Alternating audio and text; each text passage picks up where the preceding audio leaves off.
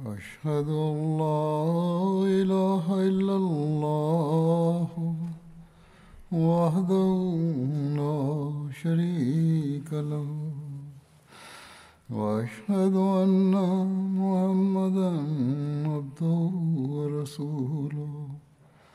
أما بعد فأعوذ بالله من الشيطان الرجيم. بسم الله الرحمن الرحيم.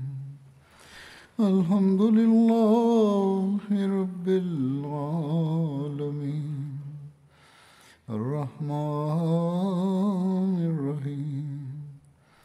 مالك يوم الدين.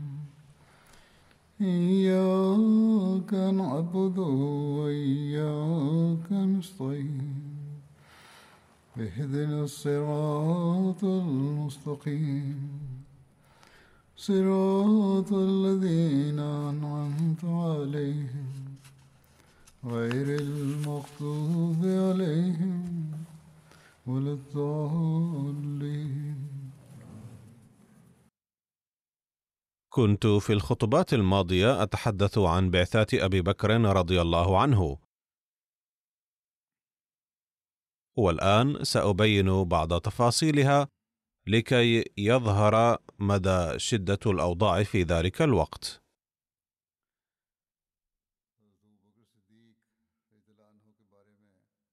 وكنت ذكرت أنه بعث إحدى عشر بعثة.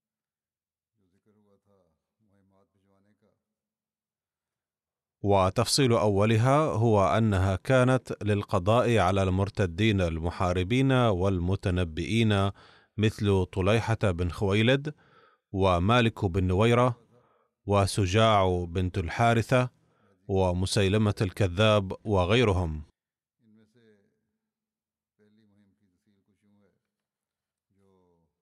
عقد أبو بكر رضي الله عنه لواء لخالد بن الوليد وأمره بمواجهة طليحة بن خويلد. فإذا فرغ منه سار إلى مالك بن نويرة بالبطاح إن اقام له أي إن أصر على القتال. والبطاح هو اسم ينبوع في منطقة بني الأسد.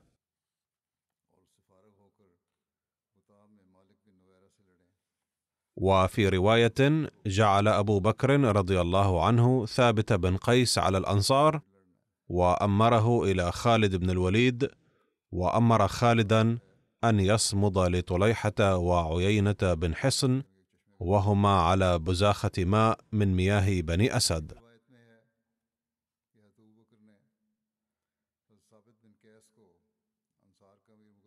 لما عقد أبو بكر رضي الله عنه لخالد بن الوليد على قتال أهل الردة قال إني سمعت رسول الله صلى الله عليه وسلم يقول نعم عبد الله واخو العشيرة خالد بن الوليد وسيف من سيوف الله سله الله عز وجل على الكفار والمنافقين.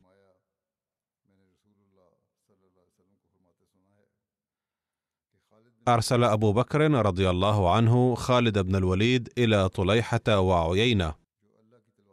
فأقدم تعارف هذين المعارضين أيضا. كان طليحة الاسدي من المتنبئين الذي ظهر في آخر حياة رسول الله صلى الله عليه وسلم.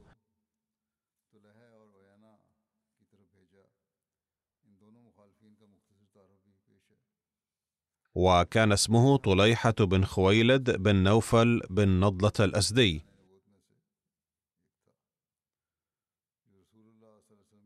ولقد قدم مع وفد قومه أسد على رسول الله صلى الله عليه وسلم في عام الوفود سنة تسع للهجرة فسلموا عليه وقالوا له ممتنين جئناك نشهد أن لا إله إلا الله وأنك عبده ورسوله. ولم تبعث إلينا ونحن لمن وراءنا.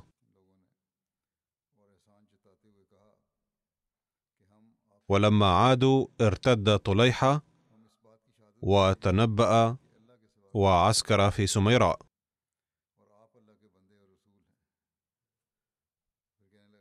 وهي منطقة سميت باسم شخص من قوم عاد.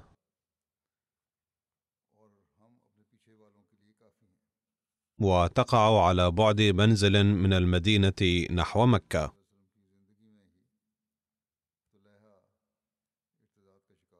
وحولها جبال سود وبسبب هذا سميت بهذا الاسم.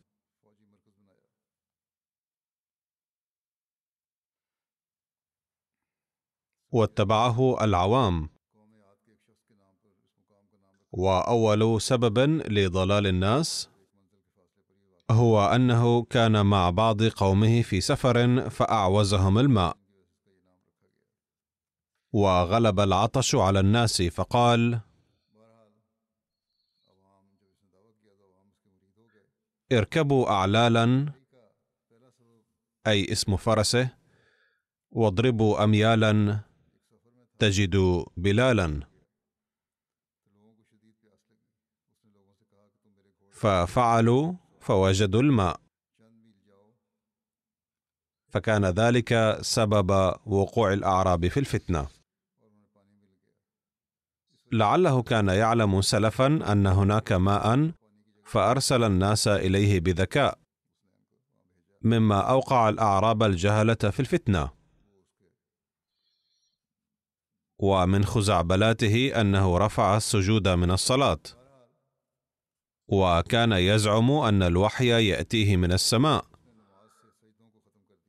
وكان يقدم اسجاعا له مدعيا أنها وحي.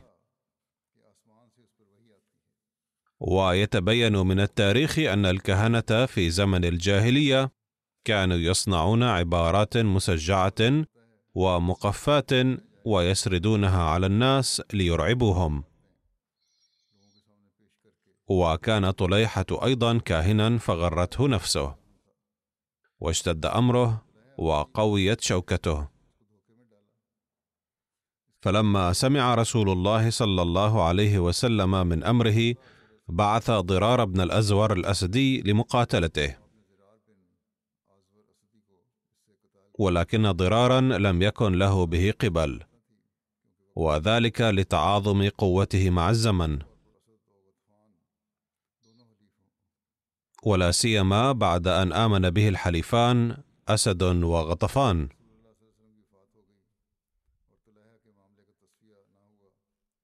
وتوفي رسول الله صلى الله عليه وسلم ولم يحسم أمر طليحة. وتولى الخلافة أبو بكر الصديق رضي الله عنه وعقد الألوية للجيوش. وعين الأمراء للقضاء على المرتدين. فوجه إلى طليحة الاسدي جيشا بقيادة خالد بن الوليد. ما كان هؤلاء مرتدين أو متنبئين فقط بل كانوا أيضا يحاربون المسلمين ويسعون لإيذائهم. وأما عيينة بن حصن فقد ورد عنه أنه قاد بني فزارة في غزوة الأحزاب. وفي الغزوة نفسها أراد ثلاثة جيوش برفقة بني قريظة شن الهجوم على المدينة فكان أحد هذه الجيوش جيش عيينة. وبعد هزيمة الكفار في غزوة الأحزاب قصد الهجوم على المدينة مرة أخرى. ولكن رسول الله صلى الله عليه وسلم خرج من المدينة لمواجهته واضطره للهزيمة. وهي تسمى غزوة ذي قرد.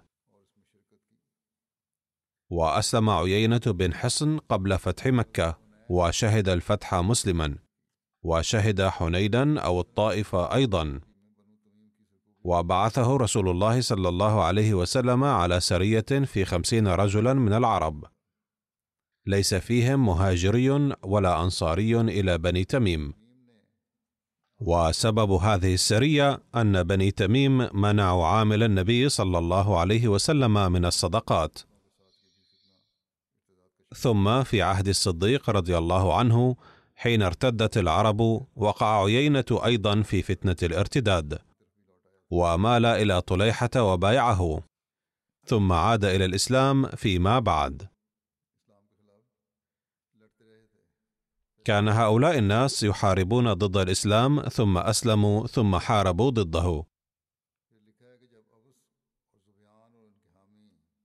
ثم ورد أنه لما أرزت عبس وذبيان ولفها إلى البزاخة أرسل طليحة إلى جديلة والغوث وهما فرعان من بني طي أن ينضموا إليه فتعجل إليه أناس من الحيين وأمروا قومهم باللحاق بهم فقدموا على طليحة.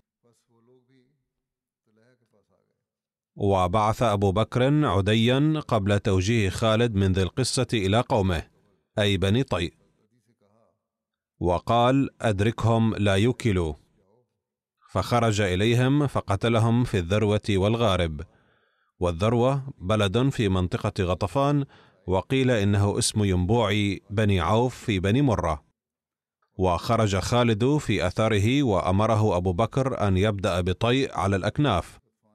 ثم يكون وجهه إلى البزاحة ثم يثلث بالبطاح ولا يريم إذا فرغ من قوم حتى يتحدث إليه وينال أحكاما جديدة. وأظهر أبو بكر أنه خارج إلى خيبر ومنصب عليه منها. فذاع هذا الخبر بين الناس حتى يلاقي خالدا بالأكناف. أكناف جبل سلمى.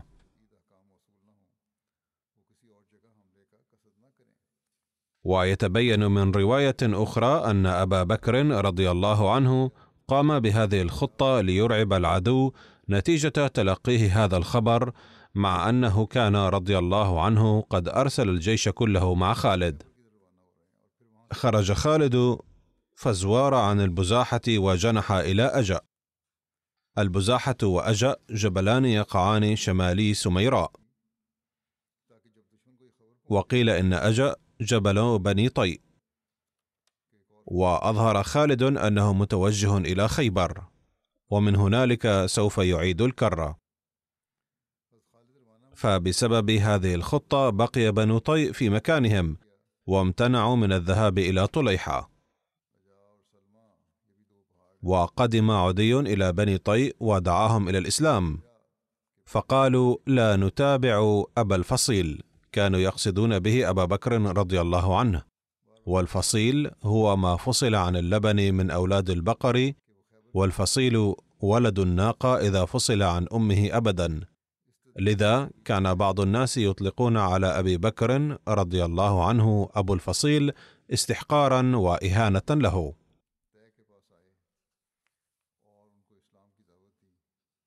فقال لقد أتاكم قوم ليبيحن حريمكم ولا تكنننه بالفحل الأكبر. أي ستذكرون أبا بكر حين ذاك بأنه الفحل الأكبر. إنكم تذكرونه الآن بأبي الفصيل استحقارا واستخفافا له ولكن سيأتي وقت حين تضطرون لذكره بكنية الفحل الأكبر. فقال بنو طي بسماع ذلك فاستقبل الجيش فنهنه عنا حتى نستخرج من لحق بالبزاحة منا. فإنا إن خالفنا طليحة وهم في يده قتلهم الله أو ارتهنهم. كان معروفا عنه أنه لا يترك أعداءه أحياء. فقال الناس من بني عدي أيضا بأن أفراد قبيلتنا موجودون هنالك فلو رجعنا أو علم أننا سنسلم فسيقتل أهل قبيلتنا. فاستقبل عدي خالدا وهو بالسنج فقال يا خالد أمسك عني ثلاثا يجتمع لك خمسمائة مقاتل. تضرب بهم عدوك خير من أن تعجلهم إلى النار وتشاغل بهم. أي سينضم إليك أناس من قبيلة طي ويحاربون عدوك. ففعل وعاد عدي إليهم وقد راسلوا إخوانهم فأتوهم من بزاحة كالمدد. أي أرسل أناس من القبيلة إلى أصحابهم أن يعودوا فورا لأن المسلمين عازمون على غزو قبيلة طي قبل شن الهجوم على جيش طليحة. لذا فليعودوا ويتصدوا للهجوم. فعادوا إلى قومهم كالمدد ولولا ذلك لم يتركهم طليحة وأصحابه على قيد الحياة. فعاد عدي إلى خالد وأخبره بدخول قبيلته الإسلام مجددا. يقول أحد المؤرخين بأن من أعمال بني عدي الجباره دعوتهم قومهم للالتحاق بجيش المسلمين.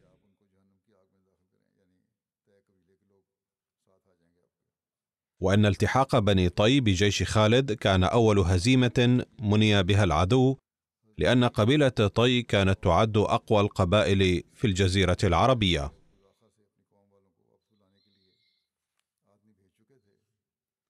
وكانت القبائل الأخرى معترفة بأهميتها وبقوتها وطاقتها فتهابها.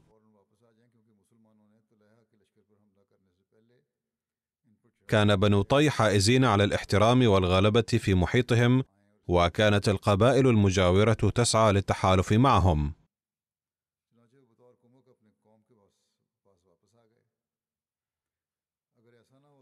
من هنا ارتحل خالد نحو الانصر وهو ينبوع بني طي وكانت محاطة بالسكان.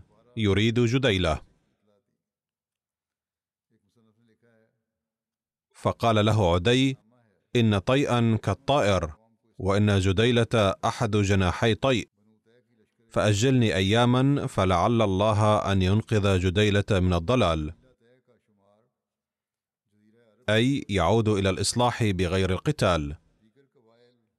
كما أنقذ الغوث وهو فرع من قبيلة طيء.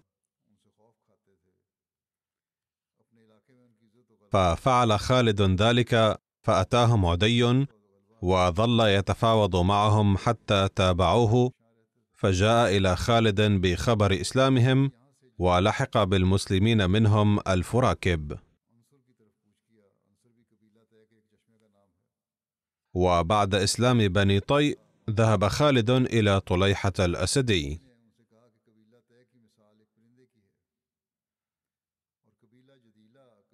فلما قرب خالد بن الوليد من القوم وبعث عكاشة بن محصن وثابت بن أقرم أمامه ليأتيا بأخبار العدو.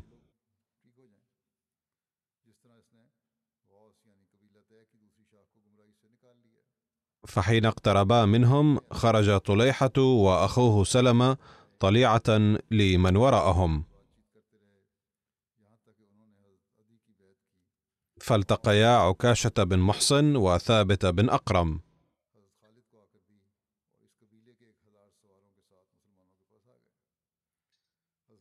فلم يلبث سلامة إلا أن قتل ثابتا. فلما رأى طليحة أن أخاه قد فرغ من خصمه صرخ وقال يا سلمة أعني على الرجل فإنه قاتلي. فاكتنفا عكاشة حتى قتلاه ورجعا إلى من وراءهما.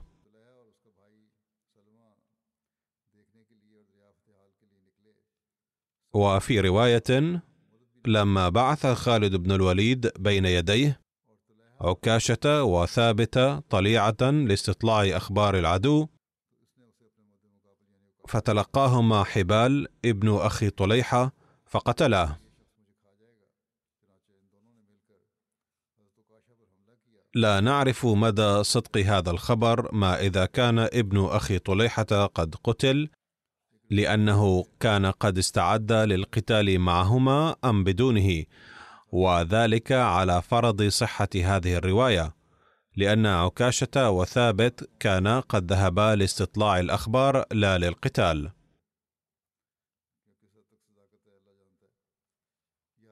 فلما بلغ خبره طليحة خرج هو وأخوه سلمة وحمل طليحة على عكاشة فقتله وقتل سلمة ثابتا ثم رجعا إلى مكانهما. وأقبل خالد بالناس حتى مروا بثابت قتيلا فلم يفطنوا له حتى وطئته المطية بأخفافها. فكبر ذلك على المسلمين. ثم نظروا فإذا هم بعكاشة بن محصن صريعا فجزع لذلك المسلمون. وقالوا قتل سيدان من سادات المسلمين وفارسان من فرسانهم فأعد خالد جنوده للقتال ورتبهم ثم انصرف نحو طيء وفي رواية عن عدي بن حاتم قال: بعثت إلى خالد بن الوليد أن سر إلي فأقم عندي أياما حتى أبعث إلى قبائل طيء. فأجمع لك منهم أكثر ممن معك، ثم أصحبك إلى عدوك، قال: فسار إلي.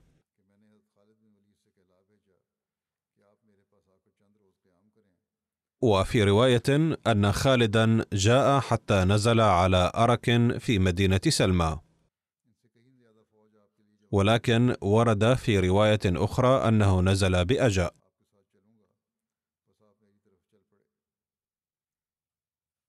ومن هنا عبأ خالد جيشه لحربه مع طليحة ثم سار حتى التقيا على بزاخة. فلما بدأ الناس القتال قاتل عيينة من جانب طليحة في سبعمائة من بني فزارة قتالا شديدا.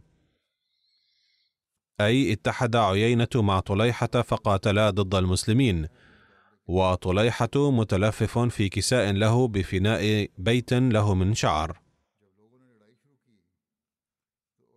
حيث نصب نفسه نبيا وجلس في خيمته يتنبأ لهم حيث كان يأمرهم بالقتال. أما هو فسيخبرهم عن نتائج الحرب جالسا هناك. والناس يقتتلون. فلما هزت عيينة الحرب وضرس القتال كر على طليحة. فقال هل جاءك جبريل بعد؟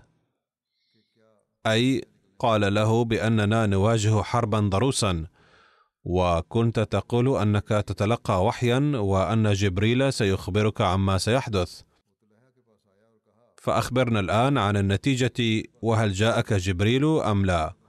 قال لا فرجع عيينة فقاتل حتى إذا ضرس القتال وهزته الحرب كر على طليحة فقال لا أبا لك أجاءك جبريل بعد؟ قال لا والله. قال يقول عيينة حلفا حتى متى؟ قد والله بلغ منا. قال ثم رجع فقاتل حتى إذا بلغ كر عليه فقال هل جاءك جبريل بعد؟ قال نعم. قال فماذا قال لك؟ قال قال لي إن لك رحا كرحاه وحديثا لا تنساه. قال يقول عيينة أظن أن قد علم الله أنه سيكون حديثا لن تنساه فجاء عيينة إلى قومه فقال: يا بني فزارة انصرفوا فهذا والله كذاب فانصرفوا عن القتال وانهزم الناس فغشوا طليحة يقولون ماذا تأمرنا؟ وقد كان أعد طليحة فرسه عنده وهيأ بعيرا لامرأته النوار فقام فوثب على فرسه وحمل امرأته ثم نجا بها. وقال من استطاع منكم أن يفعل مثل ما فعلت وينجو بأهله فليفعل. أي أمرهم أن يهربوا من ميدان الحرب. ثم سلك الحوشية حتى لحق بالشام وانفض جمعه. وقتل الله منهم من قتل. وفي رواية مضى طليحة هاربا من ميدان الحرب حتى نزل كلب على النقع فأسلم. والنقع موضع في ضواحي الطائف قرب مكة. وقيل أنه لم يزل مقيما في كلب حتى مات أبو بكر. وبنو عامر قريبا منهم على قادتهم وسادتهم. وتلك القبائل من سليم وهوازان على تلك الحال. فلما أوقع الله بطليحة وفزارة ما أوقع أقبل أولئك يقولون ندخل فيما خرجنا منه. أي جاءوا ودخلوا الإسلام بأنفسهم ونؤمن بالله ورسوله ونسلم لحكمه في أموالنا وأنفسنا. وورد في رواية تاريخ الطبري أقبلت بنو عامر بعد هزيمة أهل بزاخه يقولون ندخل في دين الله الذي خرجنا منه فبايعهم خالد على ما بايع عليه أهل البزاخه من أسد وغطفان وطيء قبلهم وأعطوه بأيديهم على الإسلام. وكانت كلمات بيعتهم كالتالي. يؤخذ منكم عهد الله تعالى أنكم لا تؤمنن بالله وبرسوله صلى الله عليه وسلم ولا تقيمن الصلاة ولا تؤتن الزكاة وتبايعن على هذا من طرف أبنائكم ونسائكم أيضا. فكانوا يقولون نعم. ولم يقبل خالد من أحد من أسد ولا غطفان ولا هوازان ولا سليم ولا طيء إلا أن يأتوه بالذين حرقوا ومثلوا واعتدوا على أهل الإسلام في حال ردتهم فأتوه بهم. لقد أخذ خالد منهم البيعة بشرط أن يسلموا إليه أولئك الذين أضروا بالمسلمين وقتلوهم وأحرقوا بيوتهم وأحرقوهم ومثلوا بهم. فقال لهم إنه يجب أن يسلموا له جميع المجرمين الذين ارتكبوا هذه الجرائم وبعدها سيقبل بيعتهم. وقال إنه لن يقبل بيعتهم دون ذلك أي يجب أن يقدموا له جميع المجرمين اولا. فسلمتهم تلك القبائل لسيدنا خالد فقبل منهم بيعتهم. ومثل بالذين اعتدوا على المسلمين فأحرقهم بالنيران. على كل حال قد عوقبوا بمثل ما ارتكبوا من المظالم على المسلمين كما بينت في الخطبة الماضية. لقد كتب سيدنا خالد رسالة إلى سيدنا أبي بكر رضي الله عنه حيث أوثق سيدنا خالد بن الوليد قرة بن هبيرة وعددا من أصحابه بالحبال ثم بعث بقرة وغيره من الأسارى إلى سيدنا أبي بكر وكتب إليه إن بني عامر أقبلت بعد إعراض ودخلت في الإسلام بعد تربص وإني لم أقبل من أحد قاتلني أو سالمني شيئا حتى يجيئوني بمن تعدى على المسلمين. فقتلتهم كل قتلة وبعثت إليك بقرة وأصحابه. فأرسل سيدنا أبو بكر رضي الله عنه أيضا رسالة إلى سيدنا خالد وهي عن نافع قال كتب أبو بكر إلى خالد ليزدك ما أنعم الله به عليك خيرا. واتق الله في أمرك فإن الله مع الذين اتقوا والذين هم محسنون.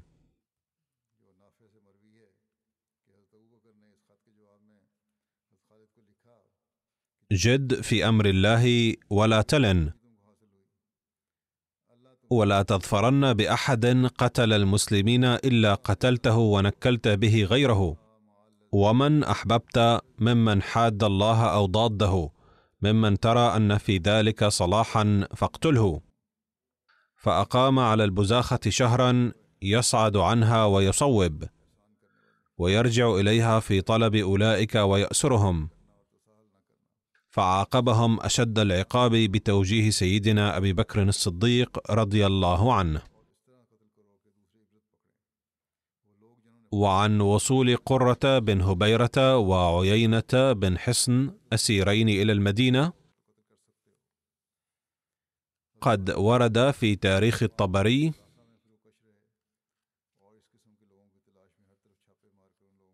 لما فرغ خالد من أمر بني عامر وبيعتهم على ما بايعهم عليه أوثق عيينة بن حصن وقرة بن هبيرة فبعث بهما إلى أبي بكر فلما قدما عليه قال له قرة يا خليفة رسول الله إني قد كنت مسلما ولي من ذلك على إسلامي عند عمرو بن العاص شهادة. قد مر بي فأكرمته وقربته ومنعته. فدعا أبو بكر عمرو بن العاص فقال ما تعلم من أمر هذا؟ فقص عليه الخبر حتى انتهى إلى ما قال له من أمر الصدقة. قال له قرة حسبك رحمك الله. قال لا والله حتى أبلغه كل ما قلت فبلغه. كان قرة قد قال سابقا عن الزكاة أنها إذا ألغيت ولا تطلب منهم فسوف يسمع العرب. فقال له عمرو كأنك كفرت. فقال له قرة اذا ينبغي أن يحدد لهم موعد لطلب الزكاة فيقررون بالتشاور هل يدفعونها أم لا. فتجاوز عنه أبو بكر بعد سماع كلامه وحقن دمه. أما عيينة بن حصن فقد جاء إلى المدينة ويداه مجموعتان إلى عنقه بحبل ينخسه غلمان المدينة بالجريد. يقولون أي عدو الله أكفرت بعد إيمانك؟ فيقول والله ما كنت آمنت بالله قط. فتجاوز عنه أبو بكر وحقن له دمه. وكتب مؤلف آخر أن عيينة جيء به إلى خليفة الرسول صلى الله عليه وسلم سيدنا أبو بكر رضي الله عنه فعفى عنه عفوا لم يكن يتوقعه. فقد أمر بحل يديه ثم طلب منه التوبة فأعلن أنه يتوب توبة نصوحا واعتذر معترفا بأخطائه وأسلم وحسن إسلامه. لقد أسلم مدعي النبوة الكاذب والمتمرد طليحة الأسدي أيضا. فقد ورد عنه أن ما دفعه إلى الإسلام أنه حين بلغه أن اسدا وغطفان وعامر قد أسلموا أسلم هو الآخر. ثم خرج نحو مكة معتمرا في إمارة أبي بكر ومر بجنبات المدينة فقيل لأبي بكر هذا طليحة. فقال ما أصنع به. خلوا عنه فقد هداه الله للإسلام. ومضى طليحة نحو مكة فقضى عمرته. ثم أتى عمر للبيعة حين استخلف فقال له عمر أنت قاتل عكاشة وثابت والله لا أحبك ابدا. فقال يا أمير المؤمنين ما تهم من رجلين أكرمهما الله بيدي إذ استشهدا ولم يهني بأيديهما أي لم أواجه الهوان بالموت إثر هجومهما وإلا لدخلت جهنم لكنني أنال اليوم فضل الله بإسلامي فبايعه عمر ثم قال له يا خداع ما بقي من كهانتك؟ قال نفخة أو نفختان بالكير. ثم رجع إلى دار قومه فأقام بها حتى خرج إلى العراق وأحرز إنجازات رائعة في الحروب ضد الفرس. فقد شارك بعد إسلامه في حروب العراق وأحسن القتال. ثم استشهد في معركة نهاوند في عام واحد وعشرين من الهجرة.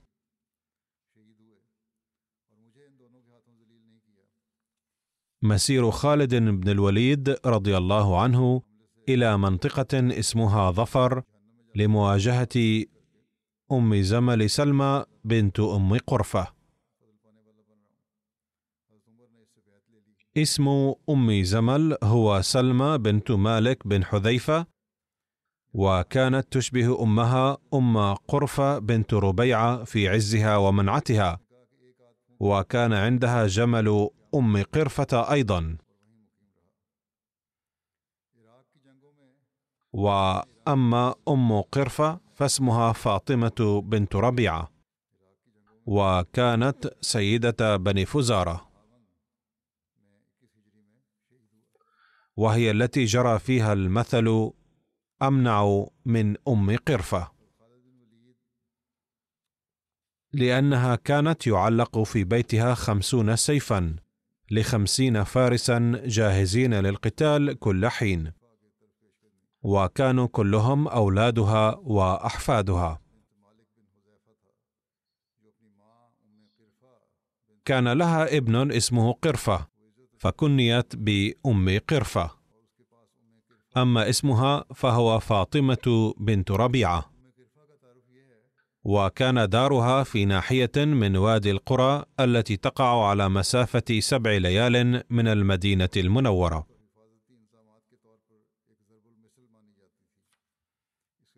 ووقعت سرية أم قرفة في العام السادس الهجري. وكان أحد أسباب قتل أم قرفة أنها تآمرت للهجوم على المدينة واغتيال النبي صلى الله عليه وسلم. وكتب أحد المؤرخين أنها أعدت كتيبة مؤلفة من ثلاثين مقاتل من أبنائها وأحفادها وأمرتهم بشن الهجوم على المدينة المنورة وقتل النبي صلى الله عليه وسلم مما دفع المسلمين لقتل هذه المرأة المثيرة للفتن. وكان السبب الثاني لقتلها أن خرج زيد بن حارثة رضي الله عنه في تجارة إلى الشام ومعه بضائع لأصحاب النبي صلى الله عليه وسلم حتى إذا كان بوادي القرى لقيه أناس من بني فزارة من بني بدر فضربوه وضربوا أصحابه وأخذوا ما كان معه. فجاء النبي صلى الله عليه وسلم وأخبره الخبر فبعث صلى الله عليه وسلم معه جيشا لمعاقبة هؤلاء اللصوص.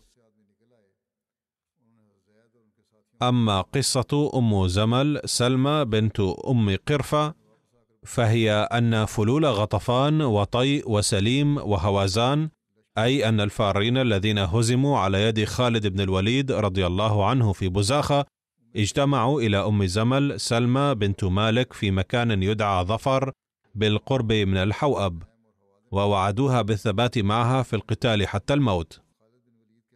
وظفر منزل ما بين البصرة والمدينة بالقرب من الحوأب وهما بئران على الطريق ما بين البصرة والمدينة.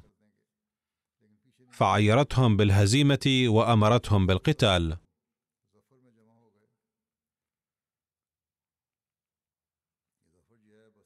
ثم صعدت سائرة في القبائل تدعوهم إلى حرب خالد حتى اجتمعوا لها وتشجعوا على ذلك. فكانت هي محرضة على قتال المسلمين. وتأشب إليها الشرداء من كل جانب.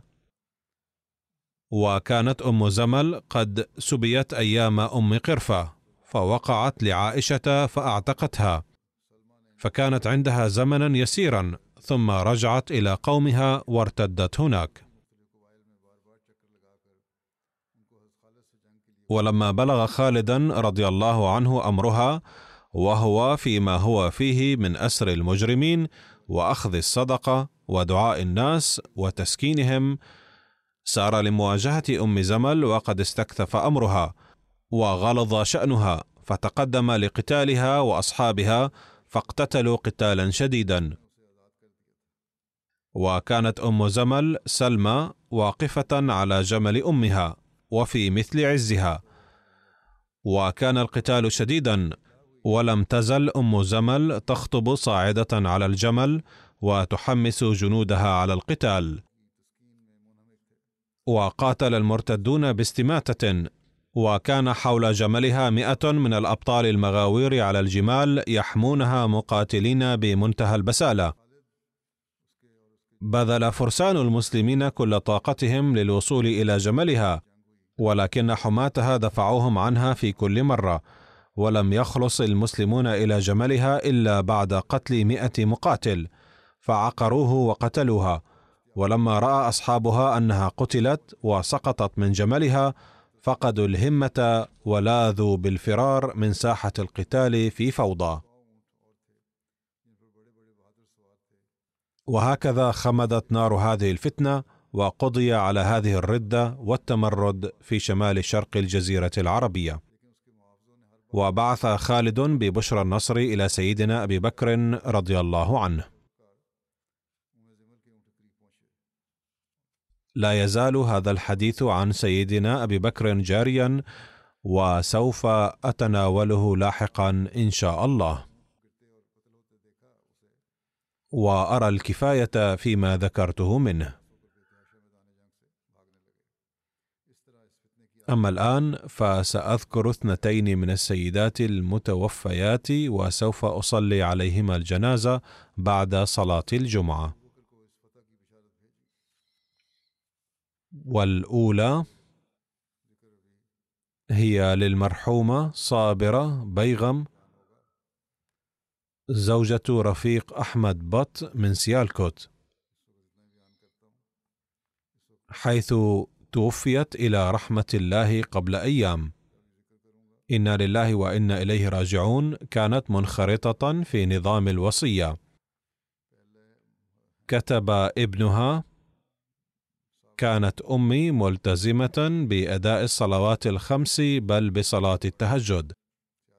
وكانت مضيافة مواسية للفقراء صالحة طيبة الفطرة شديدة الولاء والمحبة مع الخليفة. كانت تستمع لخطب الجمعة بانتظام وتحترم الواقفين لحياتهم لخدمة الدين احتراما كبيرا. إن ابنها السيد نسيم بط يعمل داعية للجماعة في كايونا بنيجيريا ولم يستطع حضور جنازتها ودفنها لانشغاله بالدعوة بعيدا. ومن أجل ذلك أصلي جنازتها. إن جميع أفراد عائلة المرحومة زوجها وأولادها الآخرين وأحفادها كلهم سباقون في خدمة الجماعة. والذكر الثاني هو للمرحومة ثريا رشيد زوجة السيد رشيد أحمد باجوة حيث وافتها المنية في عشرين من أبريل في كندا. إنا لله وإنا إليه راجعون. كانت سيدة صالحة تقية كثيرة الدعاء مواسية للفقراء مضيافة وحسنة المعشر. لقد وفقها الله تعالى لخدمة الجماعة بصفتها رئيسة للجنة إماء الله في حيها. كما وفقها الله تعالى توفيقا كبيرا لتعليم القرآن الكريم للصغار. باعت كل شيء لها في قريتها واستوطنت في ربوة من أجل تعليم وتربية أولادها. كانت موصية وأحد أبنائها السيد سفير أحمد يعمل داعية في ربوة ولكنه لم يستطع حضور جنازتها.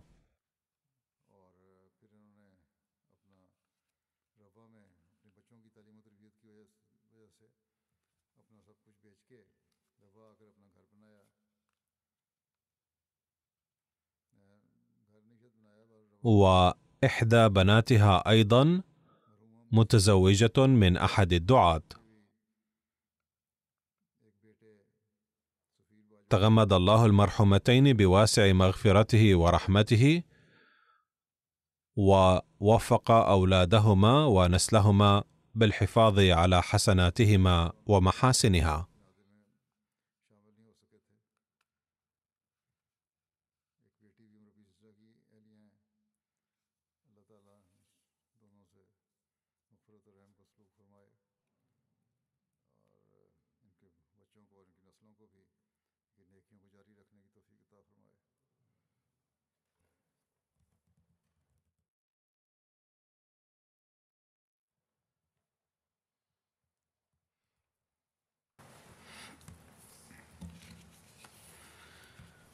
الحمد لله الحمد لله نحمده ونستعينه ونستغفره ونؤمن به ونتوكل عليه.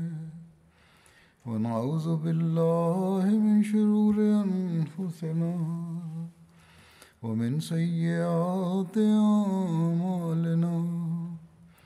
من يهده الله فلا مضل له ومن يضلل فلا هادي له. ونشهد أن لا إله إلا الله. ونشهد أن محمدا عبده ورسوله. عباد الله رحمكم الله. إن الله يأمر بالعدل والإحسان.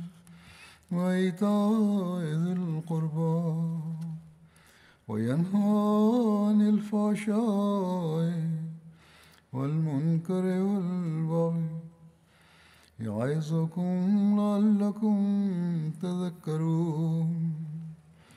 اذكروا الله يذكركم وادعوه يستجب لكم ولذكر الله أكبر.